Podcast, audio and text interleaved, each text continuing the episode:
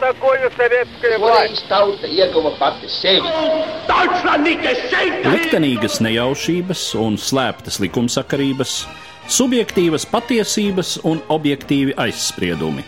Pēc atkušņa nekad nenāk uzreiz pavasars, bet sākās Arī šodien cilvēki ir ļoti tuvredzīgi. Viņi redz to naudu, kas ir. Televīzijā jau pamatā notiek cīņa par varu. Pagātne no šodienas skatu punkta un šodienas caur pagātnes prizmu.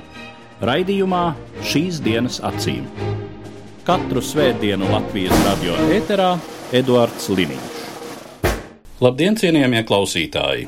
Pirms 25 gadiem toreizējā Latvijas PSR augstākā padome pieņēma dokumentu, kurš, kā daži uzskatīja, atjauno Latvijas republikas valstiskumu, daži uzskatīja, ka rada to no jauna, daži tobrīd varbūt uzskatīja, ka tas vispār neko būtiski nemaina. Runa ir par 4. maija deklarāciju, un mani sarunas biedri studijā ir vēsturniece Daina Blējere un tiesību speciālists Jānis Pleps. Labdien! Labdien. Toreiz bija sabiedrībā dažādi viedokļi par 4. maija deklarāciju, un tādi tie ir saglabājušies zināmā mērā līdz šodienai. Kaut, protams, dzīvojot tā sauktajā 4. maija republikā, tās leģitimitātes fakts daudz mazākā mērā tiek apšaubīts nekā tas bija toreiz. Bet runājot par šo situāciju, mēs varētu sākt no tā, kas būtiski mainījās tajā brīdī, kad augstākā padome nobalsoja par šo dokumentu.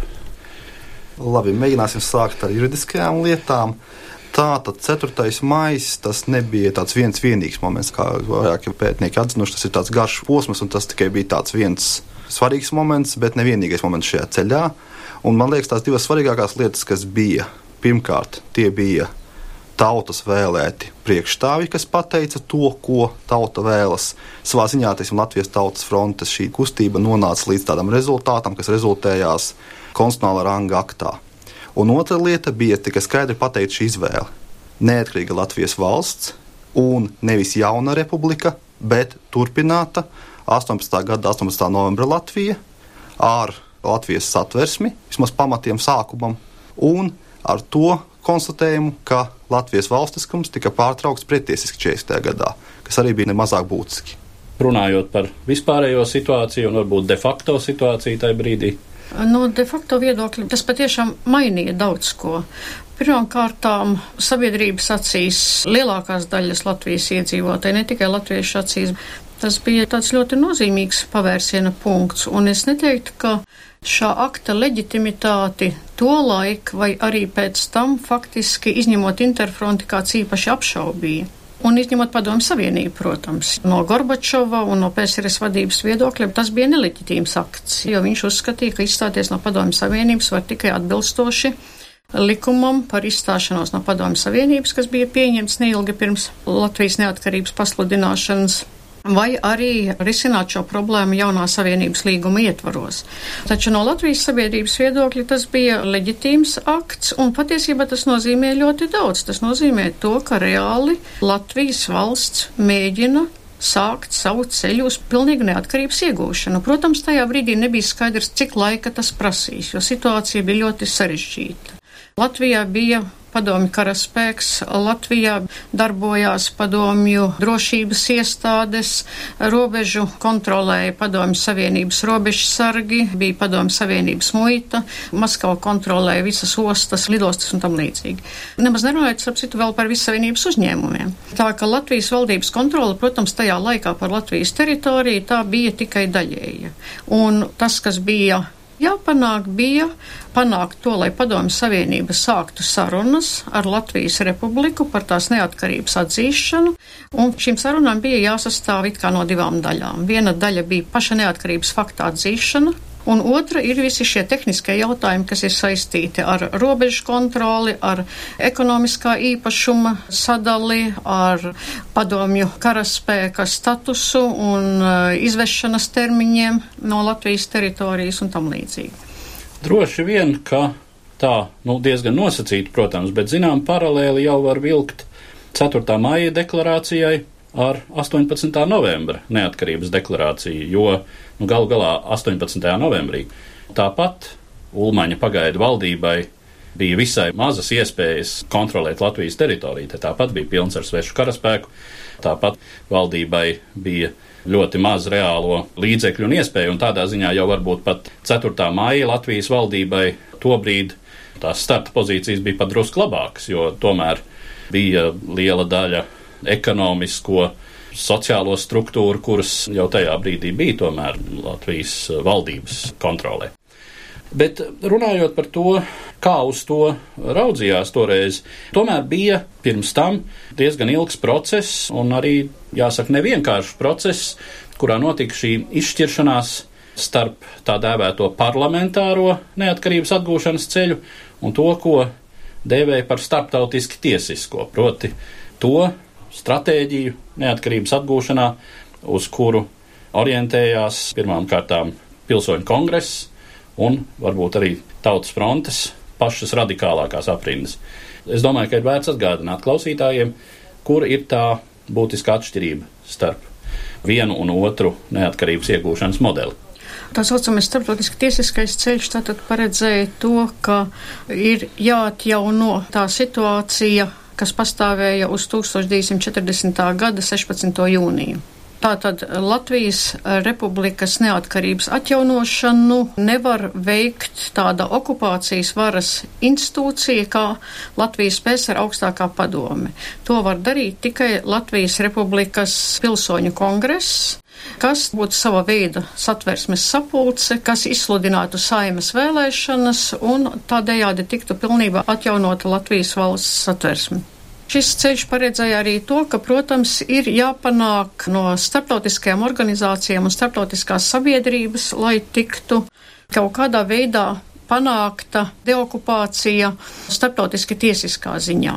Piemēram, apvienoto nāciju organizācijas ietvaros būtu jāsasauc konferences, kas veltīta Baltijas jautājuma risināšanai, un kur tad šis jautājums par Baltijas valstu deokupāciju tiktu risināts. Ņemot vērā tā laika politisko situāciju un lielāko rietumu lielvalstu attieksmi pret šo jautājumu, pilnīgi skaidrs, ka šis ceļš nav īpaši realistisks. Jo rietumu lielvalstis, arī tās, kuras pieturējās pie inkorporācijas neatzīšanas politikas, bija gatavas morāli atbalstīt Baltijas valstu neatkarības centienus, taču tās nebija gatavas tajā brīdī starptautiski tiesiskā kārtā atzīt Baltijas valstu neatkarību kā pārtraukt okupācijas varas kontroli pār Latvijas teritoriju, faktiski šis starptautiski tiesiskais ceļš nedeva nekādus instrumentus, lai to izdarītu. Otrs ceļš tātad bija tas ceļš, kuru izvēlējās Latvijas Tautas fronts vadība, Latvijas PSR augstākā padome, kā reāli darbojošās tautas pārstāvniecības institūcija, kas tad pasludina valsts neatkarību, taču ar zināmu pārējais periodu. Lai gan jāsaka, ka deklarācijas sākotnējā variantā šis pārējais periods nebija paredzēts. Bija paredzēts lietuviešu variants variants uzreiz pasludināt pilnīgu neatkarību. Protams, tur bija tāda juridiska un arī politiska problēma par to, vai Latvijas ir augstākā padome, kuras vēlēšanās piedalās ne tikai Latvijas pilsoņi, bet arī cilvēki, kas ir šeit ieradušies okupācijas laika, un vēl jau vairāk piedalās okupācijas karaspēka virsnieki un personāls, vai šī augstākā padome ir tiesīga pasludināt Latvijas neatkarības atjaunošanu. Bija dažādi apsvērumi šajā sakarā. Viens apsvērums bija tāds, ka augstākā padome ne tikai to var un drīkst, bet tas ir pat augstākās padomes pienākums. Tieši tāpēc, ka tai ir jāizlabo tā netaisnība, kas ir nodarīta 1940. gadā ar okupācijas faktu. Ja mēs tā no strikti juridiskā viedokļa uz to raugāmies, ko var teikt par abām šīm pozīcijām?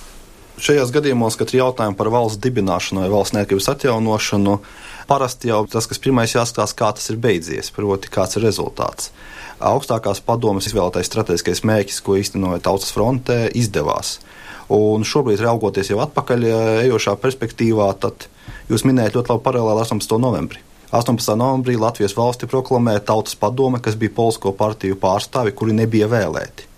Augstākās padomas deputāti bija vēlēti, piedalījās ne tikai Latvijas pilsoņu vēlēšanās, bet arī okupācijas valsts karaspēks. bet Latvijas pilsoņiem tomēr bija iespēja ievēlēt šos deputātus. Un nākamais svarīgais moments, ka augstākās padomjas vēlēšanas bija tās tā noslēdzošais posms ļoti smagam un intensīvam tautas frontes darbam. Līdz ar to, skatot šos faktus kontekstā, mēs varētu tomēr lai gan ne visā pilnībā atzīt, ka augstākā padoma pārstāvēja to Latvijas tautu, kas paredzēts satversmē, bet ar diezgan lielu ticamības procentuālu pakāpi teikt, ka šī pārstāvniecība bija reāla. Viņiem bija šis mandāts. Un satversmes tiesa ir vērsējusi šo jautājumu spriedumā par Latvijas un Krievijas valsts robežu, diezgan detalizēti ejot cauri šim apstākļam par vēlēšanu faktu. Un satversmes tiesa teica, ka, protams, tas nebija pilnībā ideāls modelis, taču ir skaidrs motīvs, kāda iemesla dēļ šāda rīcība, un tas nav tik būtiski, ņemot vērā šo rezultātu, kas ir sasniegts. Tā tas praktiski vienmēr ir bijis, ka nevienam neatkarība netiek pasniegta, ja mēs tā sarunu valodā sakām, uz šķīvīšu ar zelta maliņu. Arī starptautiskajās tiesībās. Vispirms iegūstiet, un tad tiksiet atzīti. Praktiski visos gadījumos, vai gandrīz visos, ja mēs runājam par jebkuru valsts neatkarības veidošanās vai atjaunošanās procesu, kāds tas ir bijis 20. gadsimtā, un tur to piemēru ir simtiem patiešām. Visas bijušās kolonijas, kuras savu neatkarību tādā vai citādā veidā ir ieguvušas, tad uh, starptautiskā sabiedrība ir gatava runāt par šo neatkarību ar to brīdi, kad tā reāli ir sasniegta. Pirmkārt, tas, ka šis parlamentārais ceļš bija reāli īstenojams, tas ir galvenais un droši vien noteicošais arguments. Un, nu, ja mēs runājam par datumiem, nu labi, jā, situācija 1940. gada 16. jūnijā no tīri starptautiskā status viedokļa ok, bet uh, no Latvijas satversmes viedokļa 16. jūnijā jau tad vadonis kameru sistēma. Ja? Būtībā jau lielā mērā mēs runājam par atgriešanos nevis 40. gada 16. jūnijā, bet tad jau drīzāk 34. gada 14. maijā. Varētu teikt arī tā. Lielā mērā tā, ka ne tikai tās attiecības ar okupācijas varu jau padara neiespējamu šo ideālo modeli, kas tika proponēts, bet arī vairāki citi Latvijas vēstures aspekti. Runājot par tiem spēkiem, kuri tomēr uzturēja šo no tiesiskā viedokļa nevainojamā ceļa prasību. Jājautā, kāda bija viņa motīva. Es saprotu, ka mums droši vien nav ļoti izsmeļošu materiālu un izsmeļošu pētījumu, lai par to spriestu, un kas zina, vai tāds materiāls arī jebkad būs pieejams.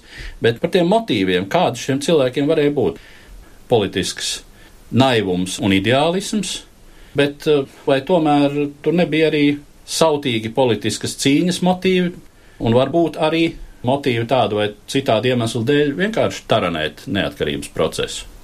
Diezgan sarežģīti. Taču, jebkurā revolucionārā procesā, un bez šaubām tas bija tāds revolucionārs process, ir vienmēr tie, kas baidās no pārāk straujiem soļiem, no pārāk straujiem procesiem, un tie, kas varbūt ir tās ļoti radikālās pozīcijās. Process ir sekmīgs, ja tiek panākts kaut kāds savu veidu kompromiss. Šajā gadījumā šis kompromiss tika panākts. Pie tam, ja mēs analizējam šo politisko procesu, mēs redzam, ka šā starptautiska tiesiskā ceļa piekritēji, viņi faktiski arī bija tie, kas lielā mērā tomēr nepieļāva to, lai mērenā virziena pārstāvji pārāk daudz piekāptos padomu savienībai. Šādas briesmas visu laiku pastāvēja. Visu laiku pastāvēja iespēja kompromisās aiziet pārāk tālu tika sasniegts savā ziņā gandrīz ideāls kompromisa variants. Protams, tur var būt plēpakungs koriģēs, jo juristiem ir dažādi uzskati par to, vai vajadzēja atjaunot 1922. gada satversma pilnībā, vai vajadzēja visu tiesību sistēmu atjaunot, institucionālo sistēmu tādā veidā, kā tā bija, bet faktiski tā arī netika atjaunot pilnībā tādā veidā, kā tā bija Latvijas republikā. Taču pats galvenais bija tas, ka, jā, varbūt bija politiskais ideālisms lielā mērā, taču tajā pašā laikā šis politiskais ideālisms arī neļāva tomēr aizvirzīties pārāk tālu kompromisu meklējumos. Jā, te parādās tas ļoti būtiskais aspekts, cik lielā mērā tā bija pirmās Latvijas republikas restaurācija. Te nu es tiešām lūgtu Plepu kungu drusku paskatīties uz pirmskara Latvijas un atjaunotās Latvijas tiesisko sistēmu kopumā, cik lielā mērā un kādi elementi tika restaurēti un kas tomēr netika ņemts no tās pagātnē zudušās neatkarīgās Latvijas. Tas sasaucas ar to, ko jūs minējāt nedaudz iepriekš par šo vai nu 15. maija Latvijas atjaunošanu, vai to Latviju, kas bija pirms Kārļa Ulmaņa apvērsuma, jo šīs Latvijas atšķīrās. Un, ja mēs runājam par Latvijas neatkarības atjaunošanu, protams, mēs runājam par Latvijas valsts kā tādu. Taču tajā laikā, starpkara periodā, bija divi modeļi - demokrātiskais parlamentārais modelis un autoritārais modelis. Un šeit tā lieta ir tāda, ka 4. maijā ir runa vairāk par šī parlamentārā demokrātiskā modeļa atjaunošanu. Taču, protams, arī ņemot vērā tās lietas, kas bija arī autoritārisma laikā, jo, piemēram, autoritārisma laikā izdevās izveidot jaunu civillikumu. Tas bija diezgan liels sasniegums, kad Latvijas valstī bija savs civillikums, kur apkopotas ģimenes tiesības, mantojuma tiesības, saistību tiesības, lietas, ar ko var lepoties. Jā, jo līdz tam es saprotu, ka tika lietot Krievijas impērijas jā. likumi. Taču tāpat laikā, ja mēs runājam politiski, izvēle par autoritārismu, tas sen noiets etaps jau trimdā bija konstatētas šīs lietas. Patiesībā šī diskusija jau trimdā izsākās, kad bija vairākas nometnes. Bija tā nometne, kas gribēja turpināt Ulmaņa režīmu, bija sūtnis Zariņš, kas stāvēja nedaudz nostāk, atliekot malā politiskos jautājumus, un bija Latvijas bijušie parlamentārieši, kuri 48. gadā sanāca kopā un konstatēja, ka valsts prezidenta vietu trimdā izpilda bīskaps Jāzeps Rancāns. Konstatējot, ka 34. gada autoritārais režīms ir beidzies ar padomju okupāciju un satversme ir atjaunojusies. Tā kā šeit ir diezgan daudz tādu dažādos laikos sastieptu pavadienu, kurus tā kā vajadzēja kaut kādā veidā sasiet vienā mezglā. Un 4. maija ir tas mēģinājums, šī deklarācija ir mēģinājums tieši šos pavadienus sasiet kopā. Un, protams, arī apzinoties to, ka nav iespējams izsvītrot 50 gadus un atgriezties mehāniski vai nu 16. jūnijā vai 14. maijā. 50 gadi ir bijuši, ir notikusi attīstība starptautiskajās tiesībās, ir attīstījušās cilvēktiesības, ir mainījušās tehnoloģijas. Un tādā ziņā, ka tiek runāts par valsts neatkarības atjaunošanu, tas nozīmē diezgan kompleksu procesu, kad atjaunojot būtisko valstī, tajā pašā laikā viņi nevar mehāniski atjaunot visus likumus, kas bija spēkā tajā konkrētajā datumā. Jo tas būtu lielā mērā pat netaisnīgi pret šiem iedzīvotājiem, kas dzīvo valstī ir jāņem vērā arī šīs pārmaiņas, kas ir notikušas. Un lielā mērā mēs redzam šo mūsu tiesību sistēmu, kad mums spēkā ir gan parlamentārismu periodā pieņemtie likumi, piemēram, satversme, gan autoritārismu periodā pieņemtie likumi, piemēram, civil likums, zemes grāmatu likums. Vēl joprojām ir spēkā daži padomju laika likumi, kā administratīvo pārkāpumu kodeks un sodu izpildes kodeks. Taču jau lielākā daļa normatīvās bāzes ir šobrīd rakstīta pilnīgi no jauna un sagatavota. Jā, un starp citu, tāda institūcija kā ģenerāla prokuratūra, tas ir tīrs mm -hmm. padomju laika mhm. mantojums mm -hmm. patiesībā. Tieši tā. Ja mēs tā novērtējam šo tēlēni sakot, pavadienu sasiešanas momentu pēc 20 atjaunotās neatkarības gadiem, kas de facto varbūt nav gluži tādi, kādus vairums no mums tos būtu vēlējušies redzēt, cik lielā mērā to, kā mēs dzīvojam šodien un tās problēmas, ar kurām mēs šodien jāsaka, brīžiem mokāmies, nosaka tas, kas notika tajā brīdī, pirms 20 gadiem. Es domāju, ka varbūt nosaka ne tik daudz tas, kas tajā brīdī notika. Patiesībā tas padomju laika mantojums bija daudz grūtāk pārvarams nekā tas šita 1990. gada 4. maijā. Ņemsim vērā pilnīgi cita ekonomiskā sistēma, privatizācija, viss, kas ar to saistīts. Nemaz nerunāsim par vissavienības īpašuma pārņemšanu un visu pārējo. Un tas patiešām bija ārkārtīgi sarežģīts process īstu padomu nevarēja dot arī dažādi eksperti no rietumiem, jo neviens līdz šim faktiski ar šādu procesu nebija saskāries. Otra lieta, protams, arī visa politiskā sistēma, cilvēku apziņa, tas, ka padomju varas 50 gadi tomēr ļoti stipri bija mainījuši un deformējuši vērtību sistēmu, morāles sistēmu, un tas ir ļoti būtiski. Jo korupcija kas patiesībā padomju sistēmā tā bija absolūti endēmiska parādība. Ja, mums nav ko brīnīties. Tā nav 4. maija nopelns, tas bez šaubām ir lielā mērā tieši padomju sistēmas nopelns, kas bija inficējis patiesībā visu sabiedrību, un no tā ir ļoti grūti atbrīvoties. Arī daudz tās receptes, kas tika ieteikts no ārpuses, no rietumiem, tam līdzīgi ne visas šīs receptes izrādījās pašas labākās. Ņemot vērā to laiku valdošo neoliberālā tirgus ideoloģiju. Kas laikam tajā brīdī arī rietumu sabiedrībā bija sasniegusi diezgan radikālu vienpusību. Jā, nu faktiski tā skaitījās vienīgā pieņemamā uz to brīdi pieeja ekonomisko problēmu risināšanai. Tika uzskatīts, ka tirgus pats visu sakārtos. Kā mēs redzējām, tirgus ne visu sakārtoja un ne visu sakārto. Tādējādi lielāka apdomība šajā ziņā, protams, visiem būtu nākus tikai par labu. Taču no otras puses jāņem vērā, mums šeit uz vietas bija ļoti maz cilvēku, kas vispār saprata, kā darbojās tirgus ekonomika. Un, ja mēs paskatāmies arī, teiksim, 1990. un 91. gadā ministru padomas materiālus un kā sprieda un kā iedomājās, kādā veidā jāorganizē ekonomika, ir skaidri redzams, ka pilnīgi skaidra priekšstata, ko nozīmē vispār brīvā tirgus ekonomika un kāda ir valdības eh, loma brīvā tirgus ekonomikā, par to nebija pilnīgi nekāda skaidra priekšstata. Tas tiešām arī ir eh, vienmēr jāņem vērā par šiem procesiem, domājot, ka Nav jau laikam īsti arī pasaules praksē tāda analoga, kad vispirms jāatdalās un jākļūst neatkarīgiem no vienas ļoti cieši integrētas ekonomiskās sistēmas, kas bija padomju vienotā ekonomika, un tajā pat laikā jāpārveidojas uz pavisam citām ekonomiskām attiecībām. Jā, un plus vēl ir trešais moments - demokratizācijas process jo no totalitāras politiskas sistēmas bija jāpāriet uz demokrātisku politisku sistēmu. Taču šāds demokrātiskas sistēmas pieredzes praktiski gandrīz nevienam Latvijā tolaik dzīvojušam cilvēkam nebija. Es saprotu, ka tas ir tāds uh, drusku slidens jautājums, bet, ja es jautātu tā visu iepriekš teikto ņemot vērā, tas rezultāts, kas šobrīd ir, mēs varam teikt, ka varēja būt arī sliktāk vieni kritēriji, ja mēs salīdzinām, piemēram, ar pārējām Baltijas valstīm, tad, protams, ka varēja būt labāk tomēr, krietni labāk.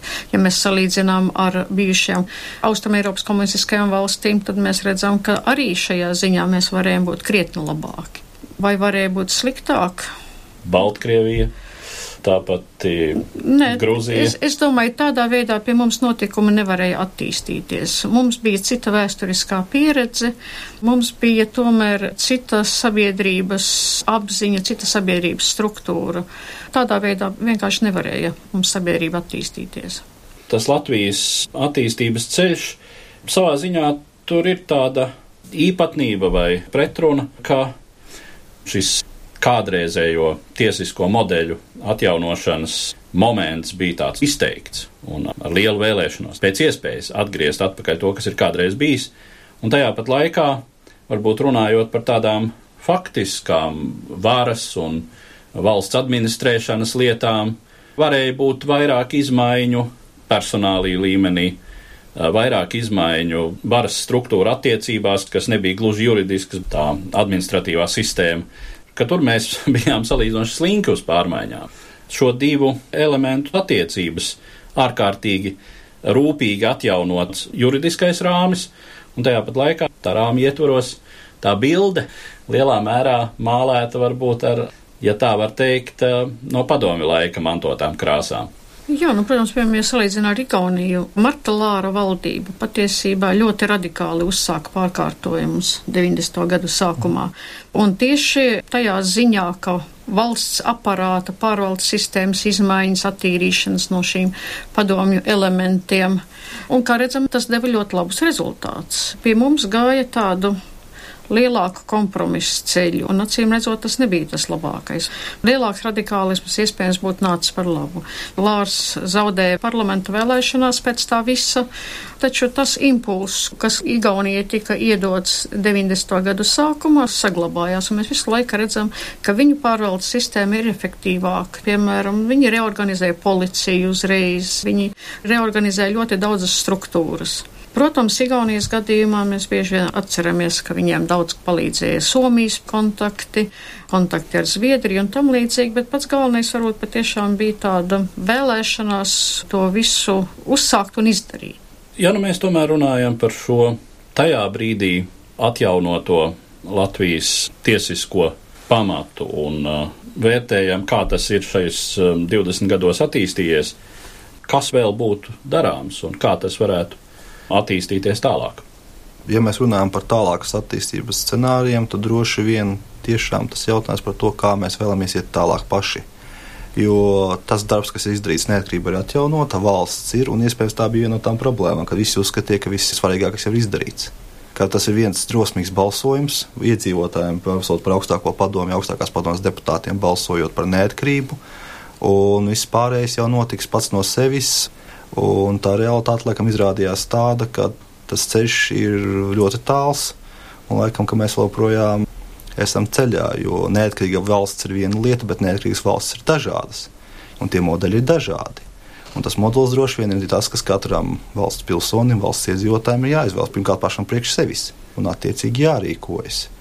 Un man liekas, ka šobrīd mēs esam diezgan lielā krīzē. Es negribētu teikt ekonomiskā krīzē, es gribētu teikt vērtību krīzē. Šobrīd ir vērtību krīze, un tas ir patiesībā arī tāds, man liekas, sava veida vēl viens izšķiršanās brīdis pa kādu ceļu tālāk iet. Eh, jo rietumos jau sen ir atzīts, ka neatkarīga valsts sevi ietver ne tikai tiesiskuma standartu, bet arī sociālās rūpes par vājākajiem. Un acīm redzami, tas arī ir tā maksa, kas jāmaksā. Un iespējams, ka tas būtu arī jāparedz varbūt pat satversmē. Ja mēs runātu par satversmes reformu šajā kontekstā, šeit ir divas lietas. Pirmā lieta - tas, ka mums bija iespēja atjaunot savu satversmi 90. gadu sākumā, Latvijai deva vienu pluspunktu salīdzinot ar citām valstīm. Nebija nepieciešams tērēt laiku debatēs, kādu veidot šo valsti. Bija gatavs trafarēts. Un tas, kas bija pozitīvi savā ziņā, ka tas trafarēts jau bija gatavs no aizlaikiem. Tā nebija tā konstitūcija, kur uzrakstīja Tautas fronte vai Latvijas ceļš. Tie bija noteikumi, kas pastāvēja jau tā kā sakot, no apmēram kā kāšu spēlē no aizmūžiem, un vienkārši politiķi bija spiesti spēlēt pēc šiem noteikumiem, un arī sabiedrība. Jautājums, protams, ir par to, kā šī spēle notika, kad varbūt tie spēlētāji varēja būt labāki. Un smaukties mazāk. Nu, Tieši tā, tieši tā. Spēlēs jau bez smogšanās laikam nevar iztikt. Bet, ja mēs runātu par jaunu satversmi šobrīd, jautājums, kas svarīgākais satversmē? Ja mēs runātu par procedūrām, kā mēs ielam deputātus, kā deputāti pārvalda valsti, kā valdība strādā, man liekas, tas atkal būtu zaudēts laiks diskusijās, jo tie modeļi ir pietiekami tuvu, un iespējams, pamainot modeli, mēs neko īpaši neiegūtu.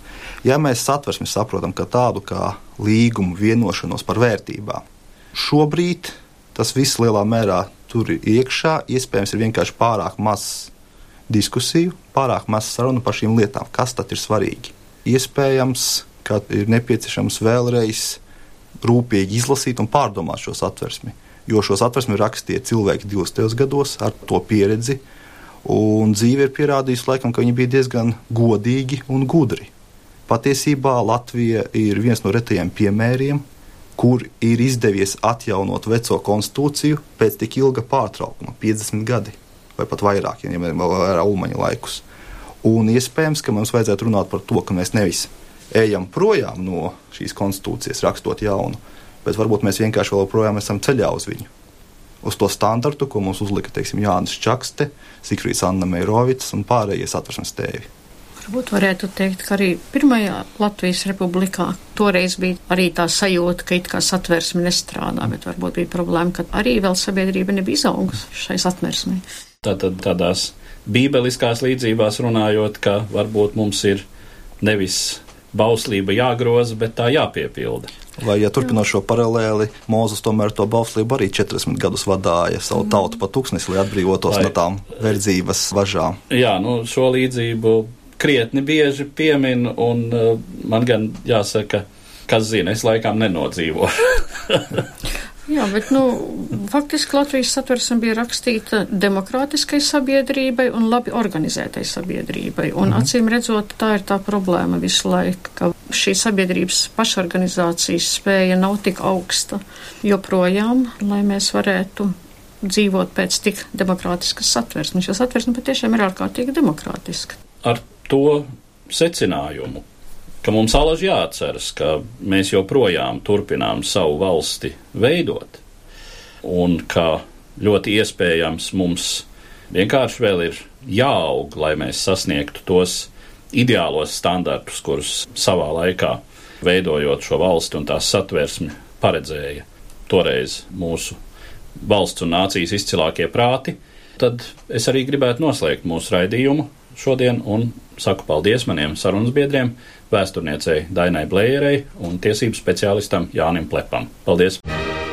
Katru svētdienu Latvijas radio viens par pagātni sarunājas Eduards Līniju.